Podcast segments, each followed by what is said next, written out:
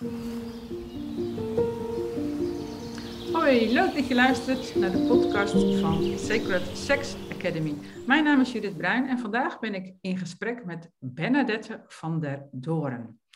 Bernadette die heeft een voor mij uh, best wel bijzonder verhaal uh, in het ontwikkelen slash openen van haar seksualiteit. En daar heeft ze ja, zo'n reuzensprong in gemaakt. Dat nu is ze body sex facilitator in opleiding. Ze hoopt dit jaar haar diploma, of hoe noem je dat, certificering te halen. En dan uh, opent ze daar ook helemaal de deuren voor. Welkom Benedette. Wil jij het nog even aanvullen? Ik vind dat je het echt heel mooi uh, hebt uitgesproken, want het is exact wat het is. En uh, ja, je noemde uh, de ontwikkeling van mijn seksualiteit en de, ja, een, een reuzensprong. En zo heb ik het ook wel ervaren. Ik, ja, ik heb er eerst 50 voor moeten worden. Toen, dus je had het nodig om eerst 50 te worden en toen waarschijnlijk liep je een beetje vast in je seksualiteit, net zoals eigenlijk het grootste gros van de mensen natuurlijk. Ja, leuk dat je dat zegt over vastlopen. Het is bij mij um, uh, niet vastlopen geweest, maar er is altijd een verlangen geweest om meer te ontdekken. Uh, op seksualiteit heeft in mijn leven altijd een taboe gezeten om erover te praten. Mm-hmm. Um, en ik wist de weg ook niet van waar ga ik kennis halen. Want ergens wist ik dat ik kennis miste. Mm-hmm. um, ik durfde er niet over te praten. Um, in mijn omgeving werd er niet over gepraat. En alles in mij riep, er moet toch meer zijn. Dus het was een soort verlangen, een, een klein vuurtje diep in mij, wat wist dat er meer was. Uh, dan wat ik tot nog toe beleefde. En ik, uh, ja, ik, ik ben heel gelukkig getrouwd, al heel erg lang. Heb twee kinderen, dus ik weet hoe seksualiteit werkt. Um, mijn kinderen zijn geboren. En ik heb altijd genoten van de seksualiteit die ik had met mijn partner, met mijn man. En um, en jullie kwamen beide uit een, nou, niet een doorsnee uh, jeugd, zeg maar, of vorming, of hoe noem je dat? Nee, klopt. Wij uh, zijn heel kerkelijk opgevoed, mijn man en ik. Ik heb hem uh, ook ontmoet in diezelfde kerk.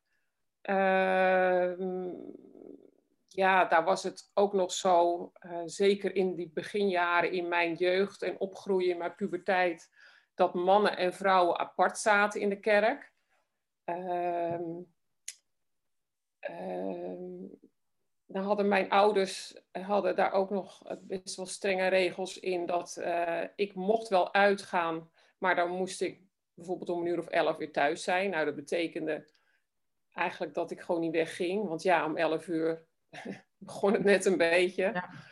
En uh, dan zei mijn vader altijd, ja, en als je er niet staat om elf uur, dan uh, kom ik naar binnen. Nou, dat verrekte ik, dus ging ik niet. Dus ik heb mezelf ook dingen ontnomen daardoor. Maar ja, dat was voor mij dan maar de weg. En um, ja, en iedere avond zat ik in die kerk.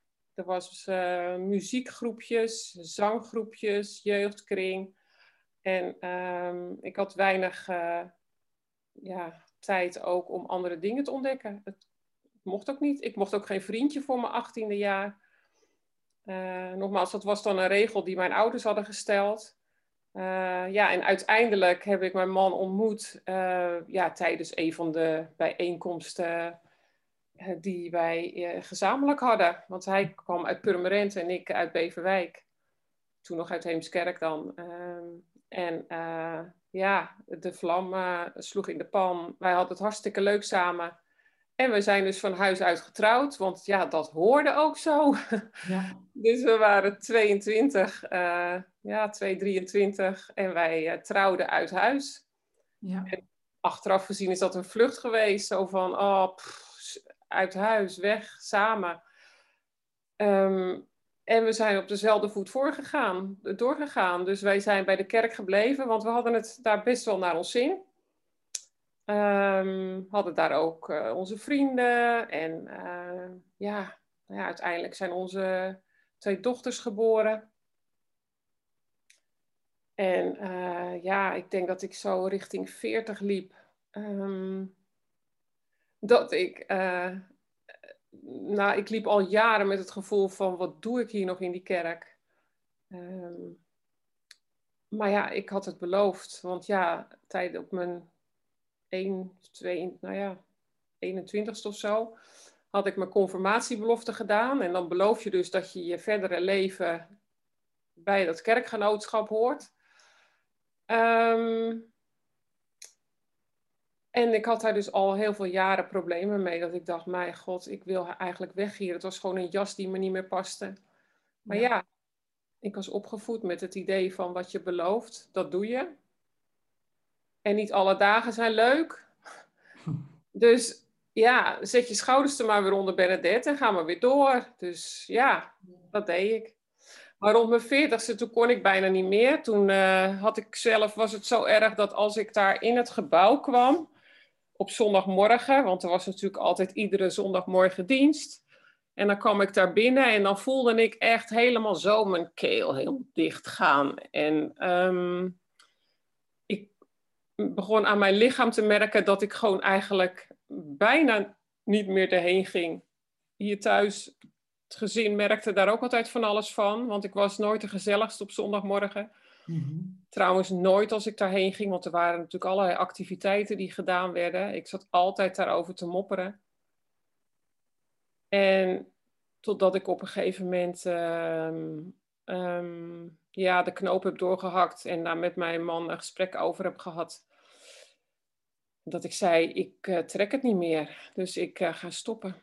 Mm -hmm. En um, ik vond het zelf heel belangrijk om dat eerst aan mijn ouders te vertellen. ja, nou, dat vond ik toen belangrijk. Dat heb ik ook gedaan. Nou, mijn moeder die was, uh, was er echt not amused over. Mm -hmm. En um, mijn vader, nou ja, die accepteerde het wel, maar mijn moeder vond het echt heel erg lastig. Uh, want ze zei ook van ja, weet wel dat het ons leven is en dat snap ik ook. ik zei alleen maar het past gewoon niet meer bij mij. Mm -hmm. En achteraf gezien um, is, heb, heb, ik er dus jarenlang over gedaan om, om de knoop door te hakken voor mezelf. En um, wat ik net al zei, ja, uh, wat je belooft moet je doen. Dat zat dus heel sterk in mijn systeem. Ja. Maar wat ook heel erg in mijn systeem zat, was dat ik uh, dat daar toch een heel klein meisje diep in mij zat, wat bang was om afgewezen te worden door de vader en moeder. Ja. Dus er zat een enorme loyaliteit en liefde naar mijn ouders om toch maar bij die kerk te blijven. Um, Deze kennis had ik toen nog niet, maar ik uh, heb de knoop doorgehakt en ik ben gestopt bij de kerk. En ik ben daarna dus allerlei trainingen gaan volgen. Ja, dus, dus je hebt zo je conclusies getrokken, zeg maar. En uh, voordat we doorgaan naar, naar het nu, zeg maar. Wat heb je wel meegenomen uit het, uit het leven met de kerk, zal ik maar zeggen? Of met het geloof? Wat een mooie vraag, Judith. Jeetje. Ah, oh, wat heb ik meegenomen? Um,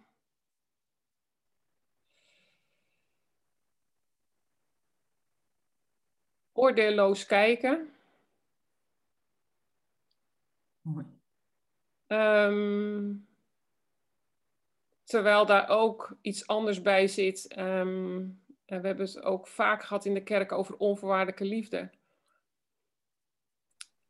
Maar op het moment dat je je niet gedroeg volgens de regels die in de kerk gesteld werden, ja, dan uh, werd daar behoorlijk wat van gezegd. Dus hoe onvoorwaardelijk was dat? Ja. um, maar ik heb hem zelf zo wel meegenomen in mijn leven. Het is namelijk mijn drijfveer dat ik onvoorwaardelijke liefde wil leven. En um, die wordt natuurlijk in het leven ook wel uitgedaagd. Ja, dat is gewoon een oefening. Dat is een prachtige oefening. Maar daar zit de wortel, zit ja. echt wel ja. in mijn opvoeding. Ja. ja, daar heb je wel meer bewustzijn dan weer opgekregen als de doorsnee mens door. Ja. ja. En, ook, en ook dus vanuit mijn, uh, uit het gezin uh, waar ik uitkom. Ja, absoluut. Ja, ja dat is echt, echt wel een basis geweest. Ja. Ja. Oké, en uh, uiteindelijk werd het dus zo beknellend dat je het niet meer vol kon houden. Heb het op mijn tafel lichaam. gegooid. Um... Ja, mijn lichaam die begon echt te sputteren aan alles. Ja. ja. En uh, je man, ging die ook gelijk mee de kerk uit? Of bleef die nee. nog even erin? Nee, nee die vond het prima. Die had het nog wel naar zijn zin.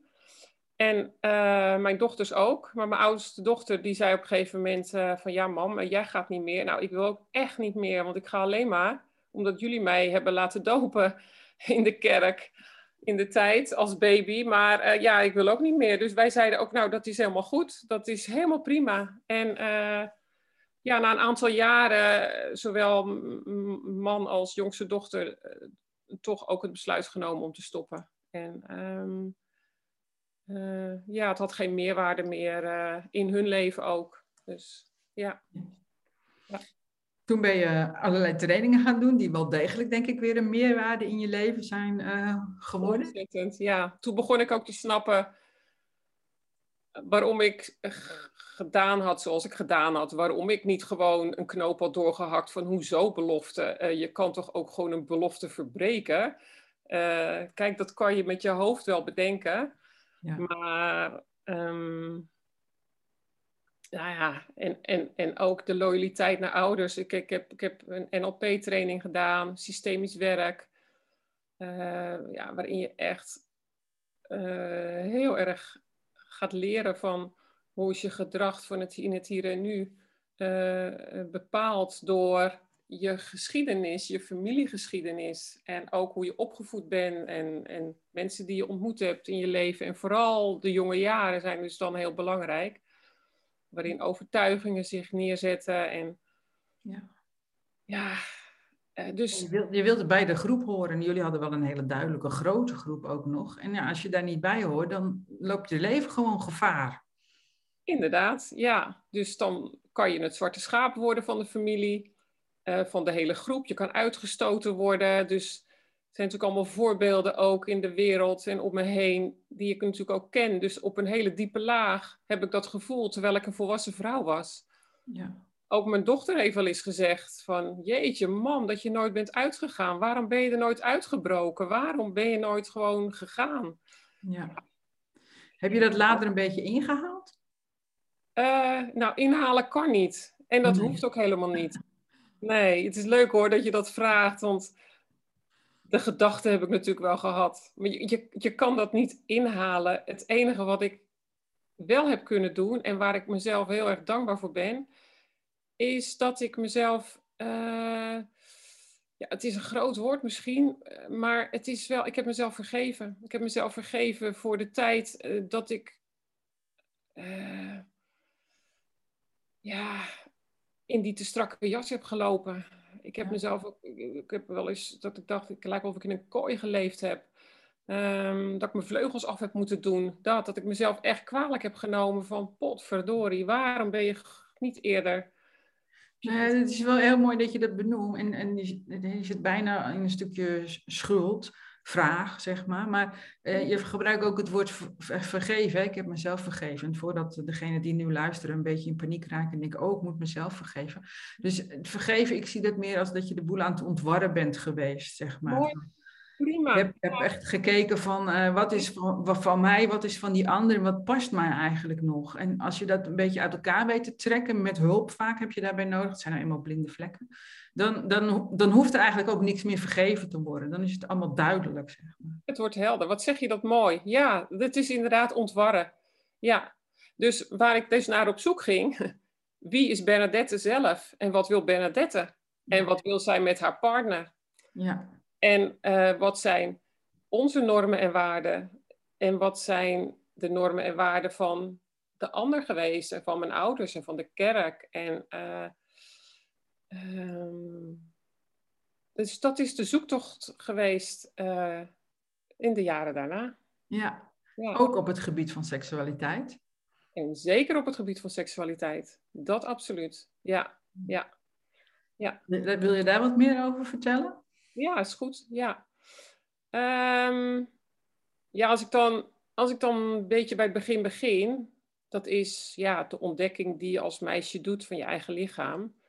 Ik denk dat ik een jaar of tien was, dat ik zo'n beetje mijn eerste herinnering heb. Uh, dat ik uh, ging ontdekken dat ik, ik als ik uh, tussen mijn benen op een bepaald plekje aan het wrijven was, dat daar een wijs lekker gevoel van kwam. Nou, dat was natuurlijk de start van masturberen.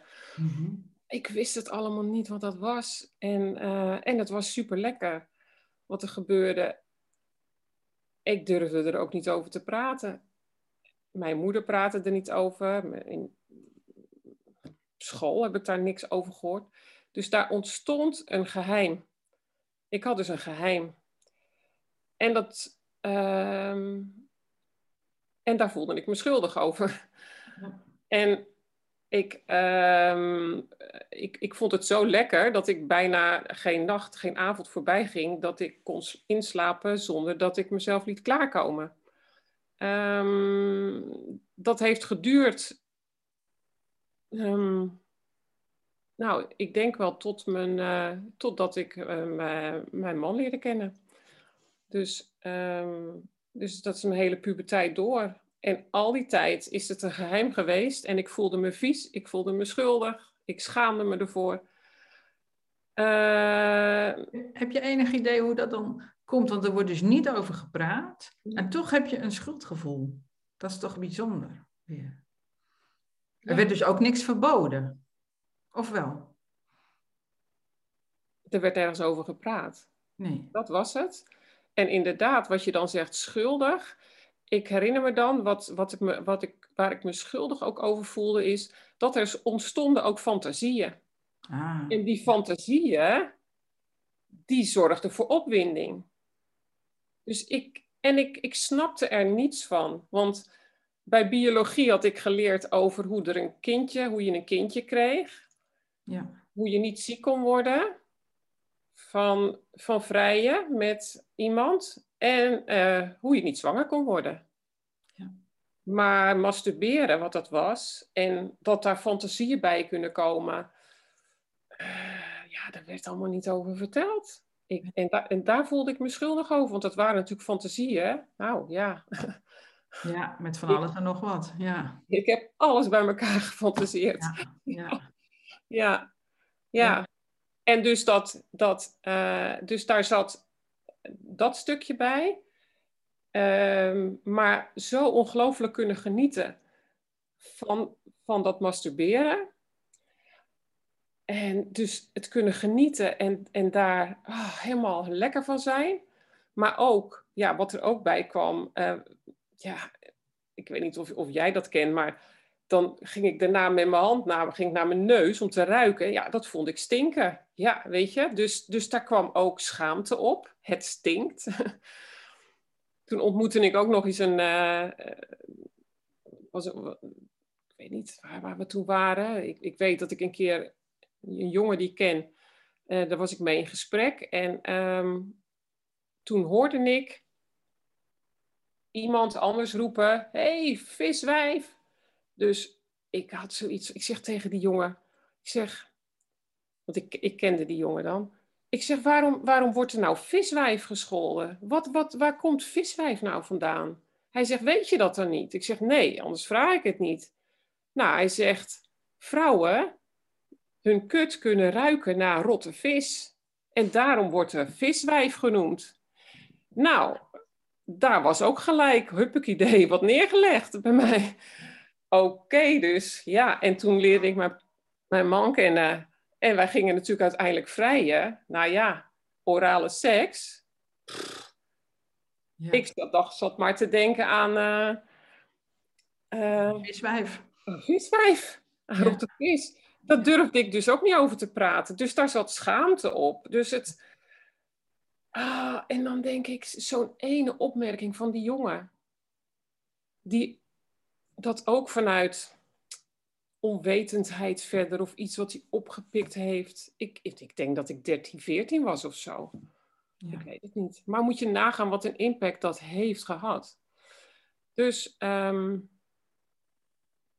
ik heb nooit voluit kunnen genieten van die seksualiteit. Ook niet, ook niet tijdens mijn, uh, mijn huwelijk.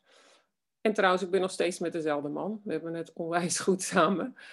Um, maar die hele periode, dus altijd, ik heb me altijd, ja, net als in de kerk met die strakke jas, ik, ik, die seksualiteit zat me ook altijd strak omheen. Dat ik dacht, kan dat niet?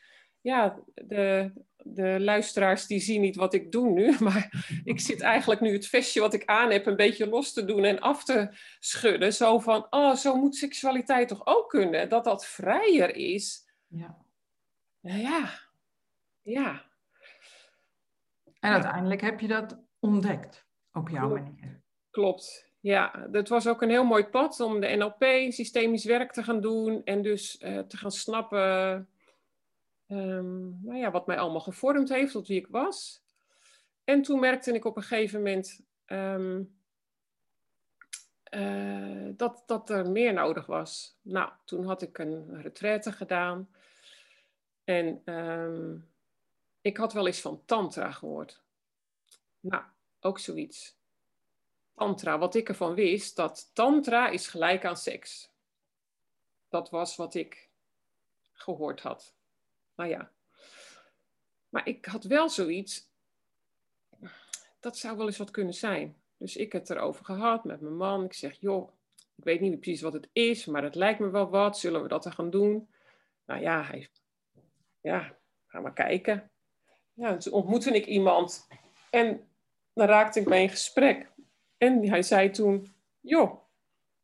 Dus ik noemde ook over tantra en dat, dat, dat me dat wel wat leek, maar dat ik niet weet wat het was. En uh, toen zei hij, nou, hij zegt, mijn partner en ik, die geven uh, tantra-avonden. Dus, uh, nou, kom eens een keertje langs. Dus, zo gezegd, zo gedaan. Maar toen het eenmaal zover was, toen had Gebrot, mijn man dus, die had nog geen ja, behoefte, zeg maar, om, om daarheen te gaan. Dus ik ben alleen gegaan. En um, ik heb ook wel een tijdje nodig gehad van, van wat, wat is nou tantra voor mij? Nou, ik heb, wist in ieder geval al, het is geen seks. Dus wat ik aan overtuiging had erover, dat was het dus niet. Nou, wat was het dan wel?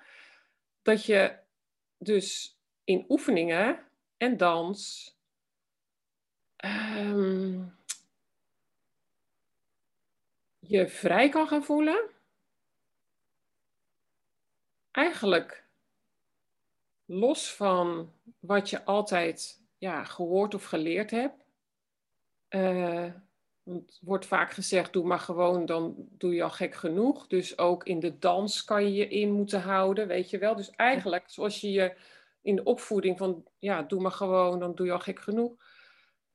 Uh, dus je hoeft je niet in te houden. Dus als je wilt dansen en heerlijk bewegen, doe dat. Nou, en in oefeningen word je meegenomen, bepaalde themaavonden die er dan zijn. En ik had het net over levensenergie. Um, ik had dus uh, wel eens gesprekken gehad met vrouwen. En die zeiden dan, nou, ik voel wel een hele hoop in mijn uh, bekkengebied. Dus zo vanaf je navel tot, uh, ja, tot, tot je vulva. Mm-hmm. Dus tot, tot je genitaliën. En ik zei altijd, nou, ik voel daar helemaal niks. Nou, oké. Hun wel, ik niet. Oké. Maar toen ging ik die oefeningen doen. En toen ging ik ineens merken dat daar allerlei kriebels kwamen in mijn bekken. Ja. En uh, dat ik, hé, wat gebeurt er nou? Wat is dat? Uh, en ik herkende het als verliefdheid. Dus ik kwam natuurlijk net uit die kerk, was net een paar jaar later. Ja, verliefd. Een verliefd gevoel, Bernadette, dat kan natuurlijk niet. Dus dat waren stemmen in mijn hoofd. Nee, jij houdt van je man. Dus als je nou een dans doet met een andere man of een vrouw, zelfs een vrouw, dan kan jij toch niet dat gevoel hebben alsof je verliefd bent. Dus daar zat heel veel verwarring op in mij. Ja. Ik snapte het niet. Wat gebeurt daar? En um, ja, dat gevoel werd steeds sterker in mijn bekken. En um, het deed ook iets in mijn seksualiteit met mijn man. En we, we, uiteindelijk is hij ook meegegaan, want hij vond het toch wel hartstikke leuk wat ik vertelde. En vond het echt superleuk. Dus dat betekende ook dat oefeningen die we daar deden, gingen we ook thuis doen. Uh, wat ik daar ook heel erg geleerd heb, is grenzen stellen. Van wat vind ik fijn, wat vind ik niet fijn. Um, ja, wat nog meer? Uh, nou ja, dat dus, wat ik dus geleerd heb, is dat dat heerlijke gevoel in mijn, in mijn bekken, dat dat dus niet verliefdheid is, wat ik gekoppeld had aan verliefdheid, maar dat dat mijn levensenergie is. Met andere woorden, het is mijn seksuele energie. Ja. En ik werd daar echt zo gigantisch blij van. Nou, dat was dus stap 1. Nou, de tantra. Maar dat is ik en de ander. Mhm. En toen kwam ineens iets anders op mijn pad. En dat was een Tao-training. En daar heb ik jou leren kennen. Ja. Wat ik daar zo interessant van, van, van, van vond, was dat ik ervan hoorde dat je de seksuele energie in jezelf kan opwekken. Ja. Die levensenergie. Nou, dat vond ik echt. Ik denk, dat is gaaf. Dan heb je de ander niet nodig. Betekent niet dat het niet meer mag en niet meer hoeft. En, nee, of dat het niet meer leuk is. ja, maar hoe gaaf het is als je dat alleen kan. Dus ik ben die Tao-training ingegaan en ik heb dat inderdaad uh, de jaartraining gevolgd net als jij. En vanuit de Tao-training ben ik ook vallei-orgasme gaan doen. Uh, nou, jij bent vallei-coach ook. Dat, dat weet ik natuurlijk. Um, maar wat ik merkte in die training, dat ik het vond, ik, ik, ik kon het af en toe niet helemaal volgen. Mm -hmm. ik vond het hele mooie theorie. Um, en ik snapte het ook ergens wel. Ehm, maar het was nogal met energie en dan van, moest je van de pomp naar de andere pomp. En ja, ik vertel het nu even zoals ik het toen, ja. zeg maar, zoals het binnenkwam. En ik kon op de een of andere manier mm, resoneerde hem niet, niet bij. Raak je misschien een beetje uit je gevoel vandaan? Ja, dat denk ik. Ja, ja, ja. En ik snapte het, hè? want ik denk, oh, maar dit is echt gaaf. Dus dit moet ik nog, of moet, nee, ik moet niks, maar dit is wel echt heel gaaf. En we praten dus over een paar jaar geleden. En toen kwam uh, eh, 2020, de coronatijd. En uh, nou ja, we hebben ook Netflix. Dus ik zat eigenlijk in die periode iets vaker achter Netflix. Want ja, je kon ergens heen, dus dan maar een filmpje kijken. En toen kwam ik een documentaire tegen van, uh, zij is actrice Gwyneth Paltrow en zij had Gooplab. En daar zat een aflevering in, het is aflevering 3, Zinnelijk Genot, ik weet het nog heel goed. En daar zag ik Betty Dodson. En zij, is een, zij was toen 90 jaar. En zij uh, vertelde over de methode die zij ontwikkeld heeft voor vrouwen, bodysex. En ik zag dat en toen dacht ik, oh, ja, wauw, ik was er stil van, enthousiast van. Ehm, ik had echt zoiets van, volgens mij is dit iets voor mij. En ehm,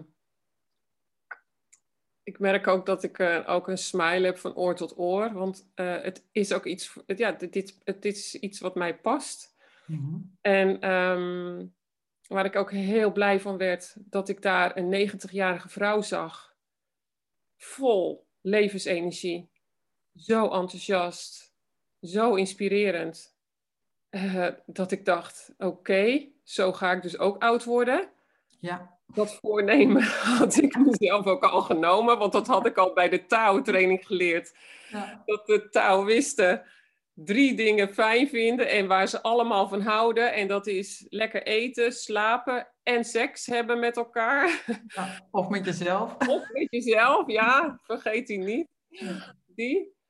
Um, en ik dus ook daar geleerd heb bij de taal dat als je je eigen energie kan blijven opwekken, dat je daarmee de motor op gang houdt en jezelf uh, ja. Vitaal houdt ook. Ja, dat is mooi. Ik wou zeggen levendig houdt, maar dat is ook vitaal. Ja. Ehm, dus, dus die kennis had ik ook al meegenomen vanuit de taal. Ehm, en ik zag het nu ook aan den lijve bij Betty Dodson. Ja. Ik ben me gaan verdiepen in bodysex. Ik heb toen een virtueel, uh, virtuele bodysex workshop gedaan bij Carlin Ross. Carlin Ross heeft uh, het werk inmiddels overgenomen, ook van uh, Betty Dodson, omdat Betty Dodson in 2021 is overleden. op 91-jarige leeftijd. En um, ja, ik, ik, ik voelde gelijk, dit is, um, dit is mijn manier uh, waarop ik dit in de wereld wil zetten. Want ik had inmiddels wel door, de afgelopen jaren al, dat het gemis wat ik gehad heb in mijn jeugd, uh, het taboe ook wat er nog hangt over seksualiteit, um, kennis die te weinig gedeeld wordt, uh, over onze seksualiteit uh, is, is dat ik dit in de wereld wil zetten. En uh, ik had daar zelf dus ook langs mijn eigen, hè, ik vertelde er net al over, mijn eigen schaamte, mijn eigen schuld, mijn eigen taboe heb ik moeten gaan. En um, dus het is mooi dat het, ja, dat ik daar gewoon echt zo de tijd voor heb kunnen nemen. En, en ik nu bijna klaar ben om ermee als gecertificeerd bodysex mee de wereld in te gaan. En ik, ik werk al, uh, ik werk één op één al. Ik heb af en toe twee vrouwen, soms drie vrouwen. Um, en uiteindelijk wil ik dus bodysex cirkels gaan geven. En um, ja, dit is een beetje mijn pad. Ja, dus je beschreef net al mooi hè, dat je ik denk dat te horen dat je missie is echt um, wat jij gemist hebt in ieder geval in je jeugd, omdat ja, je kunt het dus niet inhalen, dus je kunt het niet teruggeven aan die vrouw, maar je kunt wel iets voor ze, in ieder geval iets voor ze betekenen, iets openen, iets leren. En de drempel verlagen door uh, het bespreekbaar te maken. Ja. En um, ik merk ook, weet je, het gaat, het gaat ook niet over uh, dat ik mezelf op wil dringen of zo. Maar dat men weet dat als je wat wil weten over seksualiteit, dat je dan naar Bernadette kan gaan. Dat? Ja. Seksualiteit, ja. En seksualiteit met jezelf. Het gaat over seksualiteit met jezelf, toch? Absoluut. Ja. Gaat over bodysex gaat over seksualiteit met jezelf. En dan op een, op, wordt op een andere manier, zeg maar, um, de methode gaat anders dan zoals ik dat bij de taal heb geleerd en met verleiorgasme. En het leuke is wel, Um, en zo werkt dat dus kennelijk bij mij, dat ik nu het valleiorgasme weer beter snap. Oh ja, ja. door er weer even meer te kunnen voelen. Ja, ja. ja. ja dat snap ik hoor. Dat is, dat is best wel ja, een soort van veelgehoorde opmerking. Dat, dat, het, ja, dat het te, te snel gaat of te, of te technisch is. En, uh, en dat, dat hebben wij natuurlijk ook uh, gemerkt. En daarom hebben wij er ook een andere training van, uh, van gemaakt, die veel meer dat gevoelsbewustzijn meeneemt. Ja. En, je wat, wat, wat meer inkleedt en zeg maar en zo. Ja. Want het is, ja, en ik, en het is nogal wat even goed hè, voor heel veel vrouwen. Klopt, ja. Ja, want het is... Um, um, als je, als je bij mij komt voor een bodysex sessie, dan, uh, dan ga ik eerst delen over een stukje kennis.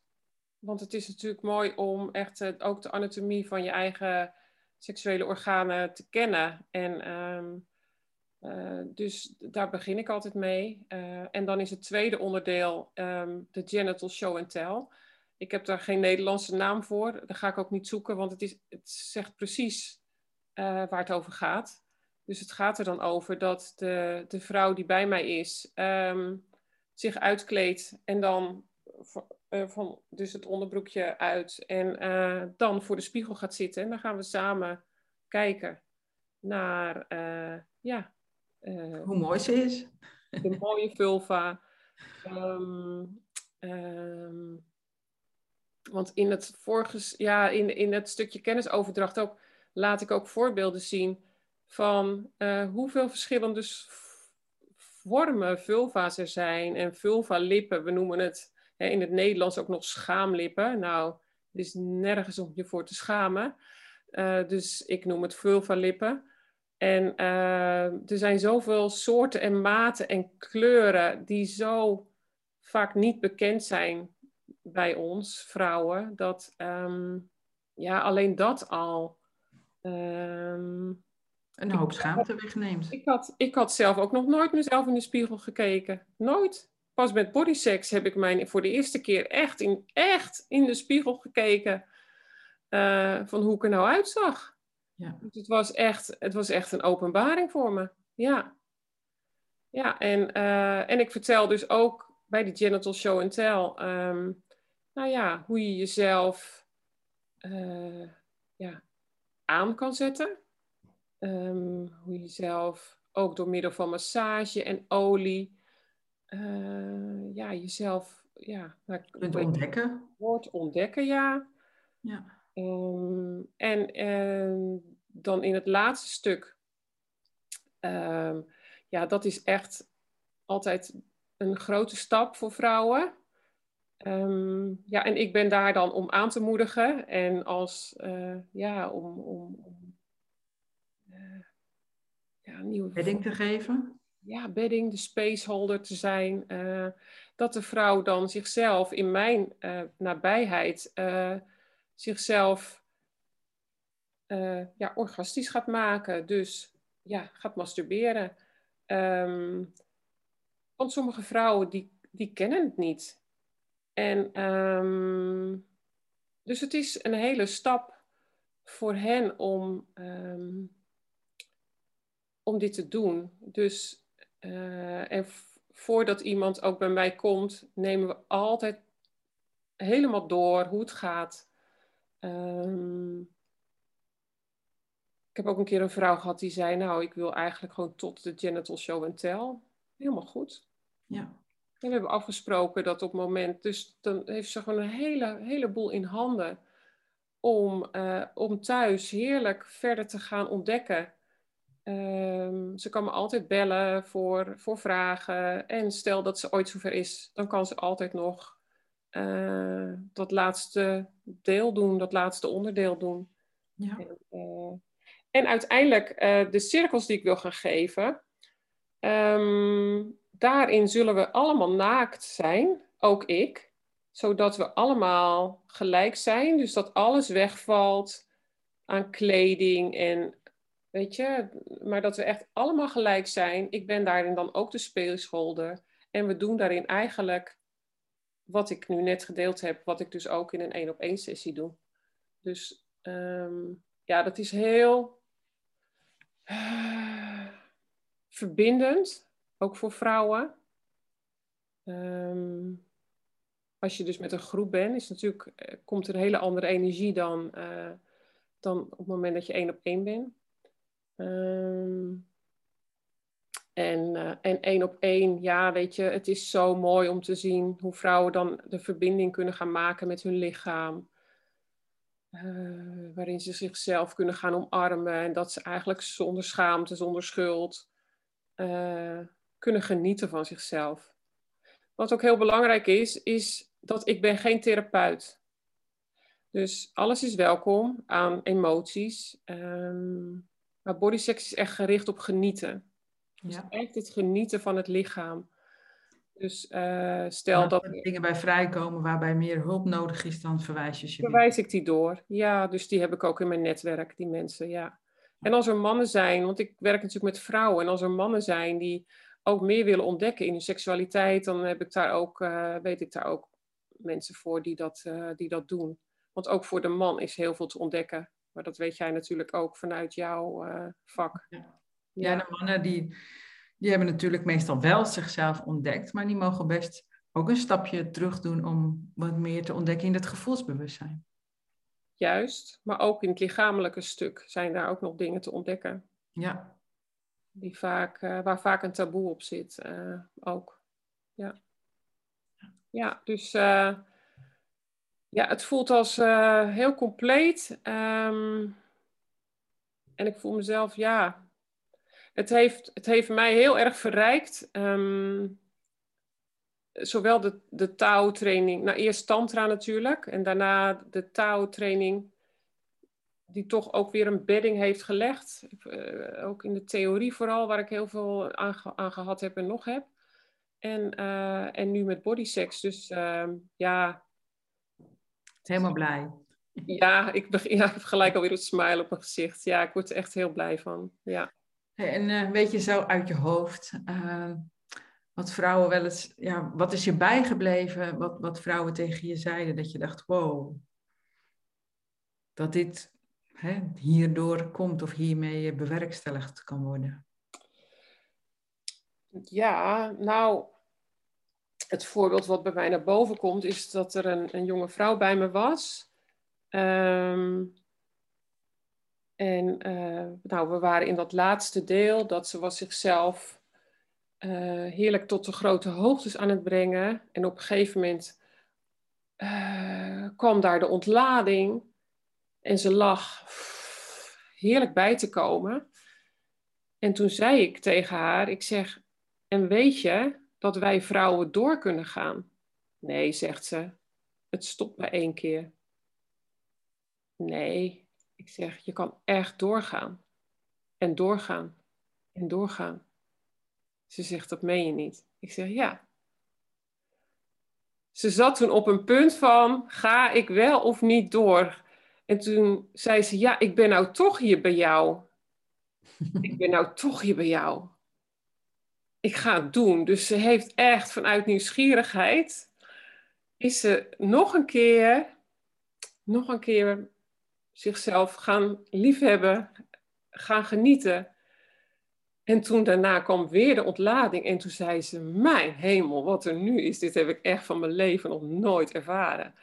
Dus, um, en later heeft ze daar nog over gedeeld dat, nou ja, hoe, hoe bijzonder dit was. En ook dat ze dus zichzelf uh, de gelegenheid heeft gegeven door een nieuw pad te bewandelen. Ja. Dus uh, nieuwsgierig te zijn en, uh, ja, en, en verder te gaan. En ja, voor, ik, denk dat, ik denk dat je dat ook echt nodig hebt. Ik heb dat zelf namelijk in mijn leven gehad door nieuwsgierig te blijven en te blijven experimenteren.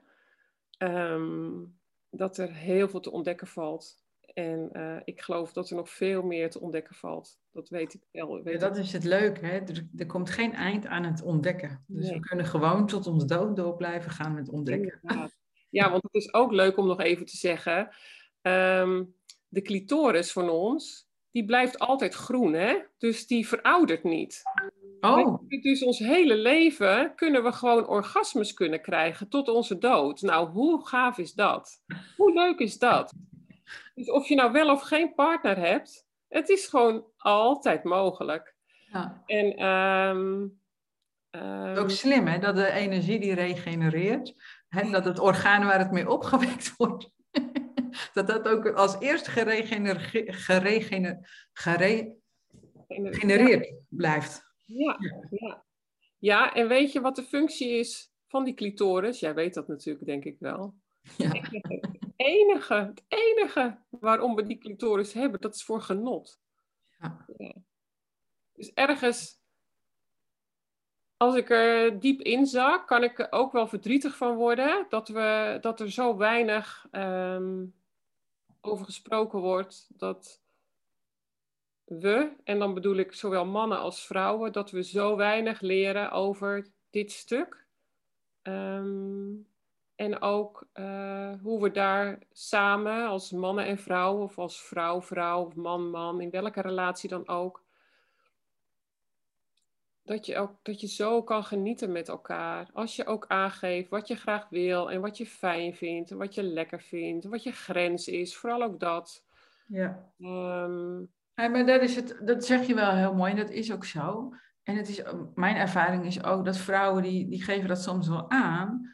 Maar die zijn zelf, hebben die kriebels nog niet gevoeld in hun bekken. Dus, dus het gevoelsbewustzijn is helemaal nog niet geactiveerd in dat bekken. Nee. En dan willen ze eigenlijk dat die partner het snapt. Dus ze proberen iets vanuit hun hoofd uit te leggen naar zijn hoofd of haar hoofd. En, maar zelf zijn ze nog niet aanwezig. En, en dit is dus gedeeltelijk is het kennis, maar er is ook een heel groot gedeelte natuurlijk wat gewoon om zelf voelen gaat. Dus dat is juist zo mooi. Ja, maar dus, dus in wat wij doen. Juist, ja. Ja, nou dat vind ik dus ook. Dus uh, ja, en inderdaad, maar, maar kennisoverdracht en inderdaad dan met oefeningen gaan voelen. Ja. ja. En dus ik noem het altijd, ja, je moet eerst jezelf inwijden voordat je je man uh, kunt inwijden. Je kunt het in theorie wel allemaal zeggen, maar als je er zelf niet bent, hij begrijpt vaak al helemaal niet hoe je daar moet komen. En soms wel, hè. Sommige mannen hebben dat van nature ook in zich natuurlijk, maar ja, de meeste niet. Nee. nee, is ook zo. En zijn wel welwillend. Heel veel mannen zijn ook gewoon welwillend. Zeker, ja. Ja, ja. dus ik uh, vind het, ik vind het, uh, ja, vind het ontzettend uh, fijn dat ik, dat ik dit gevonden heb. Ja, voor jezelf. Voor mezelf. En voor alle vrouwen die nog bij jou gaan komen. Voor mijn dochters. Voor... Ja. ja.